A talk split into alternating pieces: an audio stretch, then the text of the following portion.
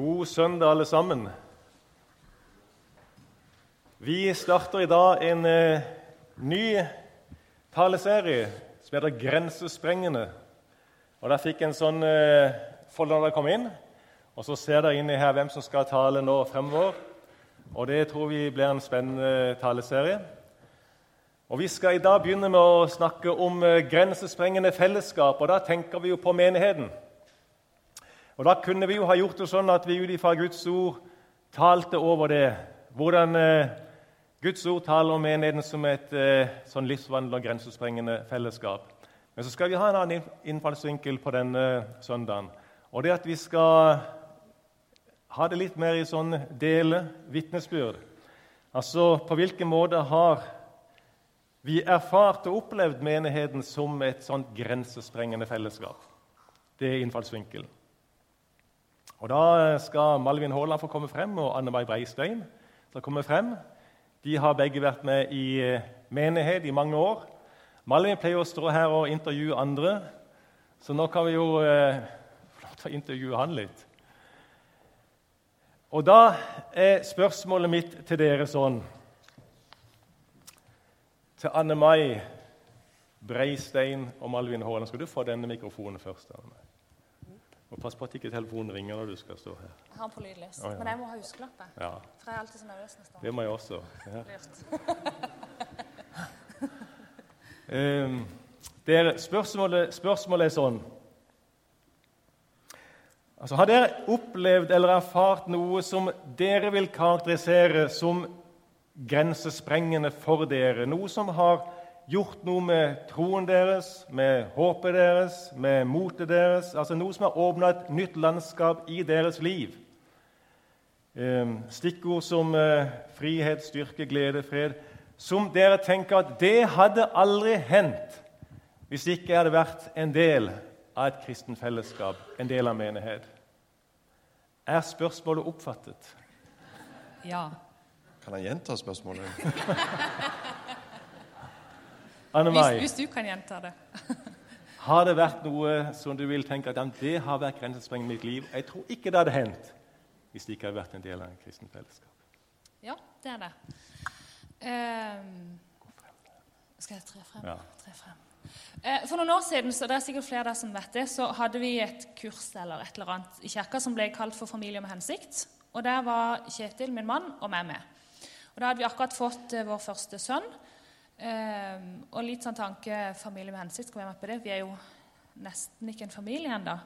Men det har vært kjempeviktig for oss. Ehm, og En av overskriftene som jeg husker veldig tydelig, det handler om at, eh, at barn har en åndelig kapasitet. Og I etterkant av dette kurset så var vi med i en familiegruppe, eh, og det er vi enda. Og dette er vel elleve år siden det kurset var. Og lærte på en måte noe om hvordan vi sammen som familie kan bli bedre kjent med Jesus. Ikke bare vi voksne, men hvordan vi kan ta med barna i det. Eh, og vi ble på et vis eh, tvunget litt på en positiv måte til å på en måte samles som familie i eh, bønn. Hvordan forbereder vi bønn? Hvordan eh, lovsynger vi sammen? Hvordan leser vi Bibelen sammen eh, med barna våre? Eh, og jeg vokste opp i en familie med, som er vel, altså kristne familie med mamma og pappa som er veldig tydelige på sin tro. Eh, så jeg hadde jo på en måte det nedfelt i meg, men allikevel så eh, Det der å ta barna med i åssen vi eh, lovsynger, åssen vi kan eh, lære Jesus enda bedre å kjenne, det har vært kjempeviktig for oss. Og nå i påska så var vi tre generasjoner, min familie og en annen familie og mine foreldre, i Romania og fikk erfare virkelig Guds kjærlighet. Både å være med og gi eh, kjærlighet til de vi tror traff, men også å bli veldig velsigna tilbake. Så det tenker jeg har vært grensesprengende eller viktig for min kristne tro, at jeg har vært i et fellesskap som har lært meg å veilede meg på det. Så fint. Malvin, gamle ørn. Har du erfart noe? Ja, altså For meg så er nok menigheten som et sånn lite kinderegg. Det rommer så utrolig mye, mer enn det liksom lille ordet eller den lille greia. Ehm, For meg så har det vært en sånn livsnødvendighet at jeg har et menighetsfellesskap. Her kan jeg komme akkurat som jeg er. Eh, kreves ingen prestasjon for å komme her. Eh, det er helt frivillig. Men når jeg kommer her, så kjenner jeg at eh, her treffer jeg noen jeg kjenner. Her har jeg et fellesskap. Her møter jeg Gud. Det har han jo sagt, at han vil være her. Her kan jeg be sammen med andre. Her kan jeg høre ordet forkynt. Og så kjenner jeg at eh, her kan de minste være, og her kan de eldste være. Og så er det liksom Wow, det er som et skikkelig kinderegg. Altså, her får jeg liksom alt det jeg kjenner for min tro, da, er viktig.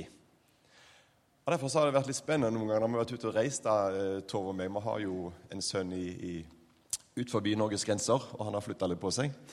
Og vi har vært på gudstjeneste i, i Penang i Malaysia første påskedag. Og bare det å komme inn i en menighet Du kjenner ingen, men du kjenner lovsangen, du kjenner igjen noen sanger. Og du vet at de du er sammen med, de, de tror på det samme som deg. Og du kjenner liksom noe av det der fellesskapet. Aldri vært der, aldri sett de. Men når du kommer der wow! Og så har jeg vært oppe i jordet mange ganger oppe i Trysil. Det var helst når vi var litt yngre, da. For nå er de fleste av familien her oppe besteforeldre og sånn, de er døde. Men de var ivrige på Misjonshuset.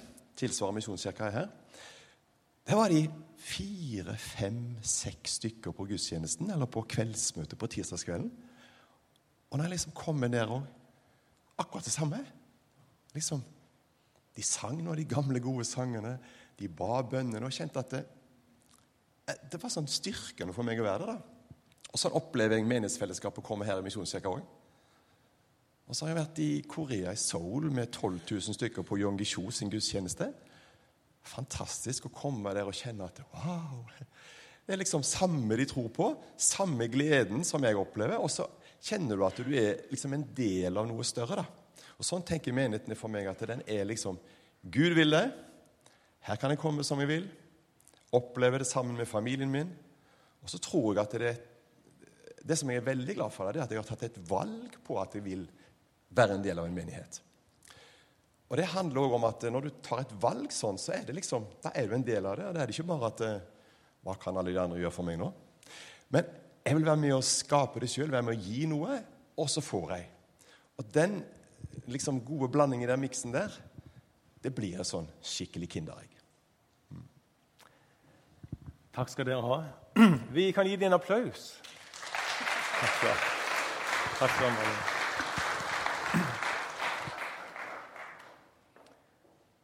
Så sitter vi med masse erfaringer i, i salen og kunne delt videre noe av det samme, litt andre ting. Takk skal dere ha. Og Jeg kan eh, dele videre. Jeg ble en kristen i 1973. Og eh, det har jeg sagt før.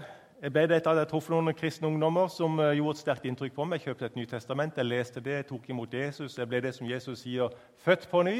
Og Så dro jeg i militæret, og så kom jeg til Kristiansand i august-september 73 og så visste jeg at jeg er nødt til å finne en menighet å tilhøre. Og så landa jeg i Salem, i Henrik Werlands gate den gangen. Og Jeg kjente ingen i den menigheten. Jeg kom der på mitt første møte. Og jeg kjente egentlig ingen kristne heller som jeg kunne relatere til her i byen. Men jeg kom til min første kveldsmøte der, og så ble jeg der.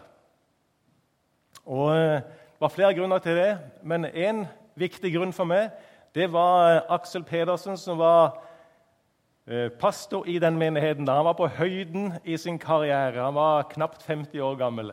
Og Han kunne forkynne Guds ord sånn at de dype, åndelige, på en måte vanskelig tilgjengelige rikdommer de kunne han løfte frem sånn at jeg kunne begripe de enda jeg var ganske ny på troens vei. Så jeg elska å høre hans forkynnelse, og jeg kom der. Og så var det andre i menigheten. Det var de som var i lederskapet. Det var noen eh, flotte Det var jo menn da, stort sett. Dessverre, men sånn er det jo. Men de var veldig frimodige, de var djerve, de var Jesus-fokusert. De var varme, vennlige, omsorgsfulle. og så samla de oss til bønnemøte på tirsdagskveldene tror jeg det var, oppe i peisestua. Der lå vi på kne og ba til Gud. og liksom Fikk ikke nok. Når du er 21 år og ny på veien, liksom, da får en ikke nok. liksom. Og Jeg kunne sitte på et svaberg ute i, i skjærgården og elske sjøl og så bare kjente at jeg kjeda meg. Jeg ville egentlig helst være der i Hendrik Werlands gate også bare liksom, ikke sant? For sånn er det. Så spør jeg meg sjøl, da I løpet av de noen og 40 år som jeg har fått være med i dette som vi kan kalle for det kristne fellesskap, Guds menighet, på hvilken måte har det forandra livet mitt? Eller har det vært noe her som jeg ville si at det har vært grensesprengende i mitt liv? om det har vært det? Og eh, svaret ja, det er det. Definitivt. Og så tenker jeg hvilke områder er det da som, eh, som jeg kunne tenke å trekke frem hvis jeg skulle trekke frem noe? Jo, det er spesielt ett område, og det er troens område. Tro er jo et stort ord i Bibelen og den kristne troen. Tro. Så på troens område har dette vært helt avgjørende for meg å få være en menighet. Jesus sier til Peter, 'Simon, Simon, Satan har krevd å forsikte dere som vet det, men jeg ba for deg' at din tro ikke måtte svikte. Og Det er ikke bare Peter som har kjent kamp på troens arena eller vært i troskriser. Jeg tror alle har kjent at der har det stått noen slag iblant. Og Derfor så skriver jo også Paulus til menigheten i Efus og han sier at 'bli sterke i Herren og i Hans veldige kraft'. Ta på Guds fulle rustning så dere kan stå der mot djevelens listige knep, for vår kamp er ikke mot kjøtt og blod, altså mennesker, men den er mot makter og åndskrefter, mot verdens herskere i dette mørket, mot ondskapens ånde her i himmelrommet. Ta derfor på Guds fulle rustning. Det er jo et bilde han bruker da. Og så snakker han om å stå med sannheten som belte om livet, og rettferdigheten som brynje, og fredens evangelium som sko på føttene, og så kommer der. Og hold alltid troens skjold høyt men det kan dere slukke alle den ondes brennende piler. For den som tror på Kristus, vil også kjenne motstanden, motstand i den åndelige verden av den onde. Og så kan vi altså løfte dette troens skjold. Det er jo et bilde, da. At når vi står faste i troen, så når han oss ikke med sine listige knep. Og da er min erfaring det at å være del av et troens fellesskap der jeg kan stå sammen med de andre og kjenne det at troen min styrkes, for jeg står sammen med noen som tror bort gjennom, så kjenner jeg at da kan vi sammen løfte dette troens skjold. Det har vært viktig for meg. Det har vært en god erfaring. Fellesskap. Apostelen Paulus sa til menigheten i Filippi at uh, han skulle hjelpe dem til fremgang og glede i troen. Og hvem vil ikke ha det? Altså Kjenne det at troen vokser, at det er en fremgang her, en progresjon. Og kjenne at det er glede i det å tro. Og det ville han Altså, jeg skal hjelpe dere til fremgang og glede i troen. Og For min del så har det skjedd i samspillet med troens folk. Det har skjedd i menigheten. Det har skjedd i den smeltedigelen som heter Guds ord, der vi deler Guds ord, bønnen, tjenesten, trøsten, utfordringen, nederlag, seirer, alt dette. Og så vokser troen seg sterkere i livet. Det er min erfaring. Og så får jeg være på de arenaer som jeg får sånne livgivende og forvandlende impulser. Men altså det å være på de arenaer, det må vi velge inn. Velge inn gudstjenesten, velge inn nærfellesskapet, velge inn bønnefellesskapet, velge inn de gode samtalene. altså Velge å være i den dynamikken. Så skjer det noen ting i ditt og mitt liv. Det er min erfaring.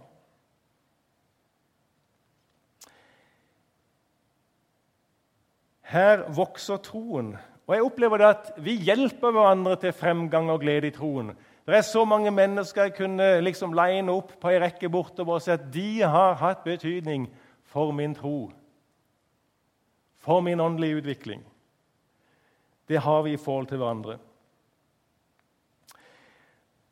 Og når troen får næring, så begynner troen å tro store ting.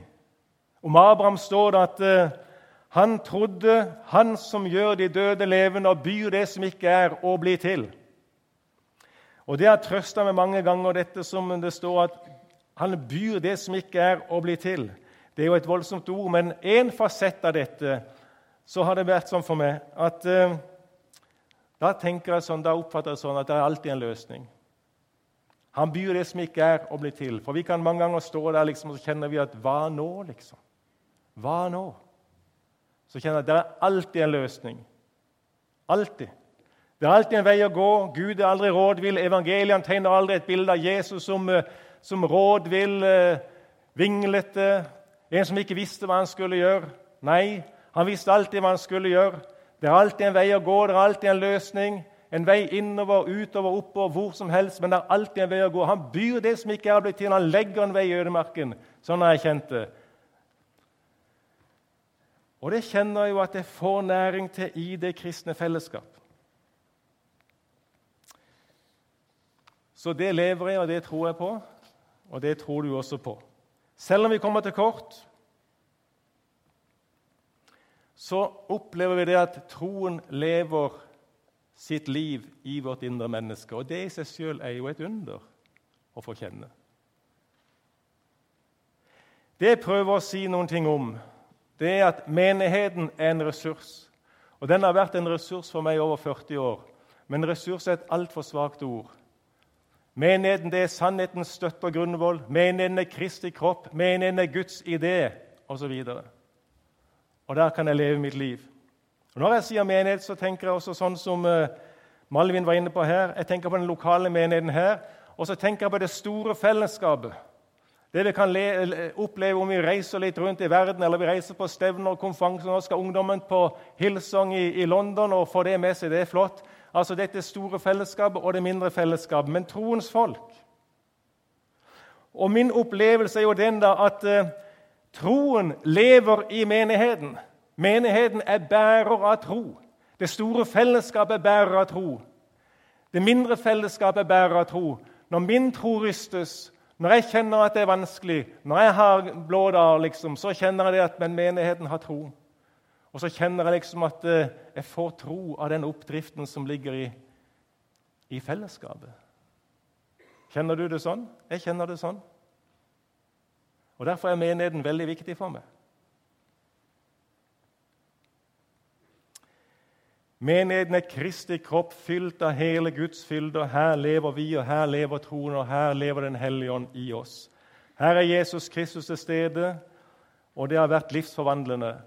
Kjenner at i Guds folk så har jeg lovprist Gud, jeg har grått mine tårer, har utøst mitt hjerte, jeg har fått ny kraft og nytt mot. Og så har jeg vært jublende glad og så enormt takknemlig for at jeg under min livsreise har denne rikdommen i mitt liv. Jeg tar det ikke som en selvfølge. Vi må aldri ta troen som en selvfølge. Om du har vokst opp i et kristent hjem, på et eller annet tidspunkt så ble din familie innhenta av evangeliet. Og vi opplever jo nå, spesielt i Alfa, opplever vi å møte mennesker stadig vekk. De ønsker å ha en tro, men troen lander ikke. Så kan jeg stå opp hver morgen så kan jeg kjenne det at du verden Gjennom livet nå så får jeg lov til å leve i troen. Og jeg får lov til å være en del av et kristen fellesskap som hjelper meg til det. Det tar jeg ikke for gitt. Håp, eller håpet, det er også et stort ord i Bibelen. Det er en annen sånn Hvis jeg skulle si noe hva som har vært viktig, så har det vært viktig i mitt liv. Håpet. Og på samme måte opplever jeg at menigheten bærer håpet i seg. Derfor mister vi ikke motet. Selv om vårt ytre menneske går til grunne, blir vårt indre menneske fornyet dag for dag. Vi har ikke det synlige for øyet, men det usynlige, for det synlige tar slutt. Det usynlige er evig. Derfor mister vi ikke motet. Det er mye som kan ta motet fra oss. Og hva skulle ikke ta motet fra oss? Bare tanken på at vi er forgjengelige, at vi eldes og vi skal dø, det er jo virkelig noe til å ta motet fra oss. Vi mister jo motet av andre ting lenge før det. Så dette er Men så sier Bibelen at vi mister ikke motet, selv om det er en realitet. For vi ser mot det usynlige, mot det evige. Vi løfter blikket og ser mot horisonten. Så ser vi at det er noe annet, og derfor mister vi ikke motet. Håp. Håpet om oppstandelse og evig liv, det er en oppdrift. Og jeg kjenner, at, eh, jeg kjenner at menigheten nærer mitt håp i dette. Men håpet har også en, det er mange fasetter. En fasett her i håpet som har vært viktig for meg, og nå utleverer jeg meg. Det er det som går på mot, å være ved godt mot, og ikke bli motløs.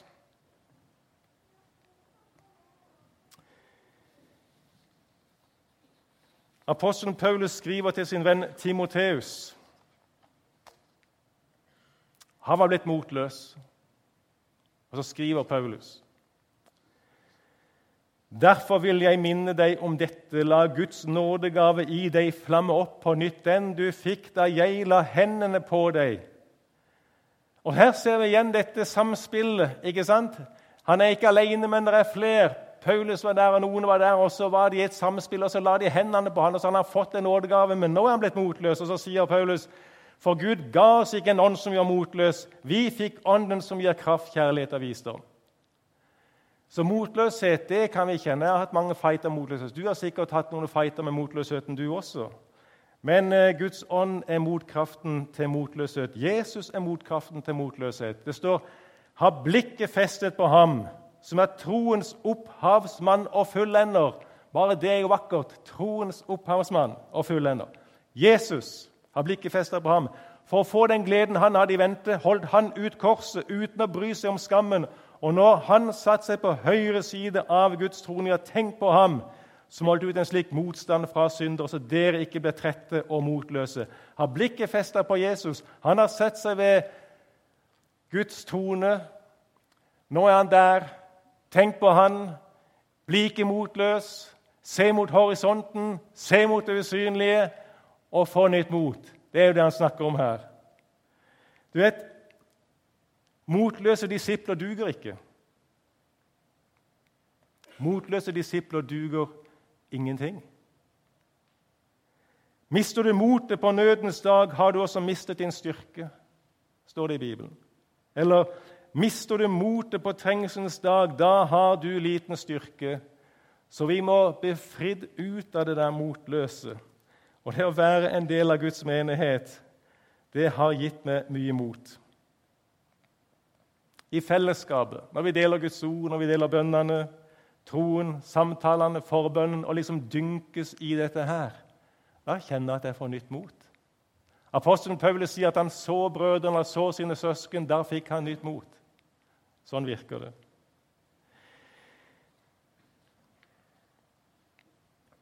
I Joel-profetien gjengitt i Apostelens gjerning kapittel 2 så står det at eh, de unge skal se syn, og de gamle skal ha drømmer. Og For 22 år siden så hadde jeg noen drømmer som hjalp meg på dette. her. Og det å ha noen drømmer det er ikke noe mer spesielt enn at du sitter hjemme i fred og ro og leser en bibel, og så blir ordet levende for deg. Eller at du ber, og så blir noe levende for deg når du ber. Eller vi er i forbund, eller vi er her, osv. For Gud har mange veier. Han taler til oss, han hjelper oss. Som oftest er det sånn at når jeg leser Guds ord, så, så blir noen ting levende. Men det kan også skje på andre måter. Den ene drømmen jeg hadde som eh, og Det, det er sånn i skjæringspunktet av tro og mot og håp. Det er her det beveger seg. Og eh, det fikk stor betydning for meg.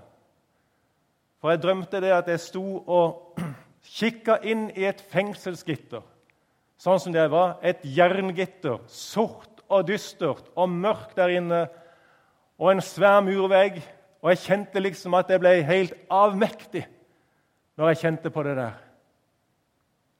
Men så ble jeg snudd rundt.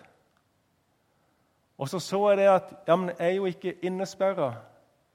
Jeg er jo ikke inne, jeg er jo utenfor dette. Og foran meg så lå det et åpent landskap, og jeg elsker åpent landskap. Så langt øyet så, og så kjente jeg det at ja, men du er fri. Det er ingen begrensning. Du er helt fri. Og så kjente jeg liksom dette her som det står når Paulus sier at til frihet har Kristus satt oss fri. Fri til å leve det nye livet, fri til å leve uten disse begrensningene. Det var en, eh, det jeg kan kalle for en grensesprengende erfaring. Fri til å leve, fri til å tjene, fri til å tro det utrolige. Fri fra alt som binder, fri fra skammen, fri til å leve det nye livet. Og så kjente jeg at der løste Gud meg fra noen ting. Fri fra å se meg tilbake, fri fra å bli motløs. Det er alltid en vei å gå. Så kan hende det at du har andre temaer, at du har andre arenaer der Gud kan gjøre noe nytt i ditt liv. Jeg har hatt noen fighter her, og så kjente jeg at Gud bare løste det ut.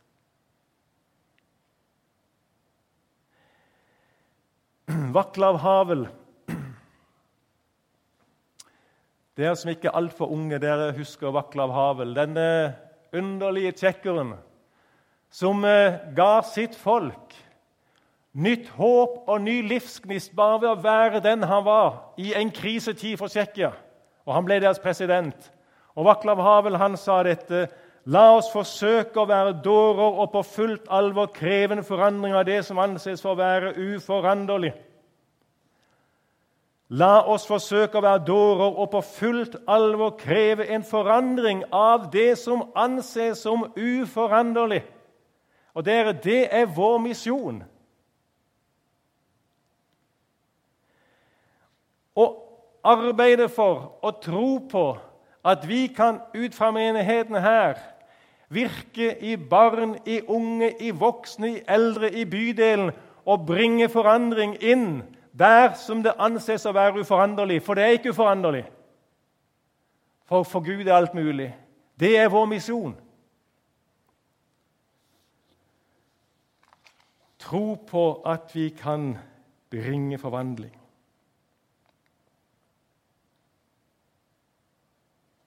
Tror du på det?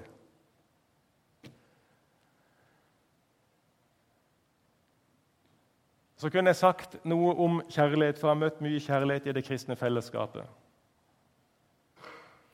Men det skal jeg ikke si noe om. Jeg skal heller si noe annet. Så kan det hende at du spør deg, at Jan Ola, har du ikke opplevd noe dumt, for det er mange som har dårlige erfaringer fra det kristne fellesskapet. Jeg si at jo, det har jeg gjort. Og jeg har blitt veldig skuffa noen ganger, og mennesker har skuffa meg. Men eh, da får vi gi opp, og så får vi gå videre. Og kan si det at Hadde jeg ikke vært en del av kristendommen, så hadde jeg blitt skuffa allikevel. For det å bli skuffa er en del av det å være menneske i denne verden. Er det ikke det? Jo, det er det. Så det er helt normalt, det. Men det er jo ikke det som sitter igjen etter 40 år. Det er jo det gode, store bildet som sitter igjen. Det er ikke det andre her. Så eh, det skal du ha med. Men jeg vil si noen ting til slutt. fordi at det, Når vi sier det å velge inn disse arenaer som gudstjenester, som eh, bønnefellesskap, som smågrupper, som tjenestefellesskap, og så være på de arenaene, så er det jo litt sånn rutinemessig. Vi kommer til gudstjenesten hver søndag, uke etter uke etter uke, etter uke, måned etter måned, år etter år. Det kan virke litt rutinemessig. Vi kommer til vår cellegruppe uke etter uke etter uke, vi kommer til vår bønnesamlinger osv. Det er en sånn rutine i det. Er det traust? Nei. Noen syns kanskje det. Men det bærer i seg en stor hemmelighet. Vi har akkurat hatt undervisning nå noen tirsdag om apostlenes gjerninger. Og I kapittel 10 der, så møter vi mannen som heter Kornelius. Kornelius han bodde i Cesarea i Israel, eh, på kysten der mot Middelhavet. Og Han var en romer, en italiener, han var en eh, offiser, han hadde folk under seg. Og så var han sikkert så lei av alt dette som skjedde i Romerriket. Det var et forderva sted, egentlig, hele Romerriket. Det var dårlig. Det var stort, men det var mye elendighet. Og det var masse guder der. Gresk og romersk mytologi. alt det der. Så Mange kjente en slitasje. De kom til Israel, og så møtte de et, et annet folk. De møtte troen på Javé, den ene Gud. Og så var han fascinert av dette. Og han kom til å tro på jødenes gud, sto det. Og Han var begynt å praktisere bønnetidene, de jødiske bønnetider. Han var blitt en del av synagogen, de hadde ikke fulgt medlemskap. Han var der, så han fikk mye input, og han ba til Gud. Og Han liksom fulgte disse bønnetidene, rutine, da etter da, flere ganger om dagen. da etter da, da etter da, rutine. Plutselig en dag så kommer det en Herrens engel og sier han, 'Kornelius, Gud har hørt dine bønner.' 'Send bud til Jaffa og hent Peter, og han skal tale ord til deg som du og hele ditt hus kan bli frelst ved.' Plutselig ut av ingenting. Rutinen. Og i Jaffa, denne, som nå er en bydel til Tel Aviv på kysten der nede, så eh, var Peter. Og Han eh, fulgte de jødiske bønnetidene. Han var jo jøde med hud og hår. Så han fulgte de jødiske bønnetidene. Han var på tak og ba.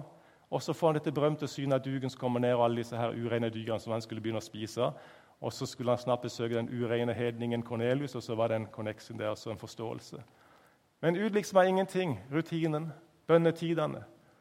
Og sånn var det også Jakob, eh, Peter og Johannes gikk til tempelet for å be. Det var bønnens time, og de praktiserte dette, de første kristne. De gikk rutinemessig til bønnens time, så gikk de der for å be. Og lykkelig var den lamme mannen som satt ved fagerporten, og Peter og Johannes kom forbi. Og han ble reist opp og helbreda bare fordi de gikk til bønnens time. Så jeg vil si noe godt om det å ha gode vaner og rutiner i det å komme til gudstjeneste, komme på de ulike arenaene, og så se at i det lange løp så er det livsforvandlende for du og meg. Det er fint å reise på konferanser. Jeg har vært på noen konferanser, Norsk ungdomskonferanse til, så vi setter ikke opp imot hverandre. Men vinneren i det lange løp Du trenger ikke reise på en konferanse i hele ditt liv. Vinneren i det lange løp det er menigheten. Det er der vi lever våre liv, uke etter uke, måned etter måned, år etter år, hele livet. Guds fellesskap her til stede. Det er vinneren. Og det er ut herfra vi skal bringe evangeliet til bydelen og like til jordens ende. Og det er herfra vi skal gå ut i det håp og den tro at vi kan være med å forandre det som anses som uforanderlig. De som tok imot budskapet hans, ble døpt, og den dagen ble det lagt til omkring 3000 mennesker. De holdt seg trofast til apostlenes lære. Det betyr at disse første kristne de var trofaste i det å komme til undervisningene. De var trofaste i det å komme til de gjentatte undervisningene apostlene holdt. Og så var de trofaste i det å holde det de lærte. Og så var de trofaste imot fellesskapet. Å være en del av fellesskapet, det var de trofaste med, å, med å, å, å være til stede. Og så var de trofaste å være på bønnene, og så var de trofaste og praktiserte nattverden. Altså disse rutinemessige tingene. Va?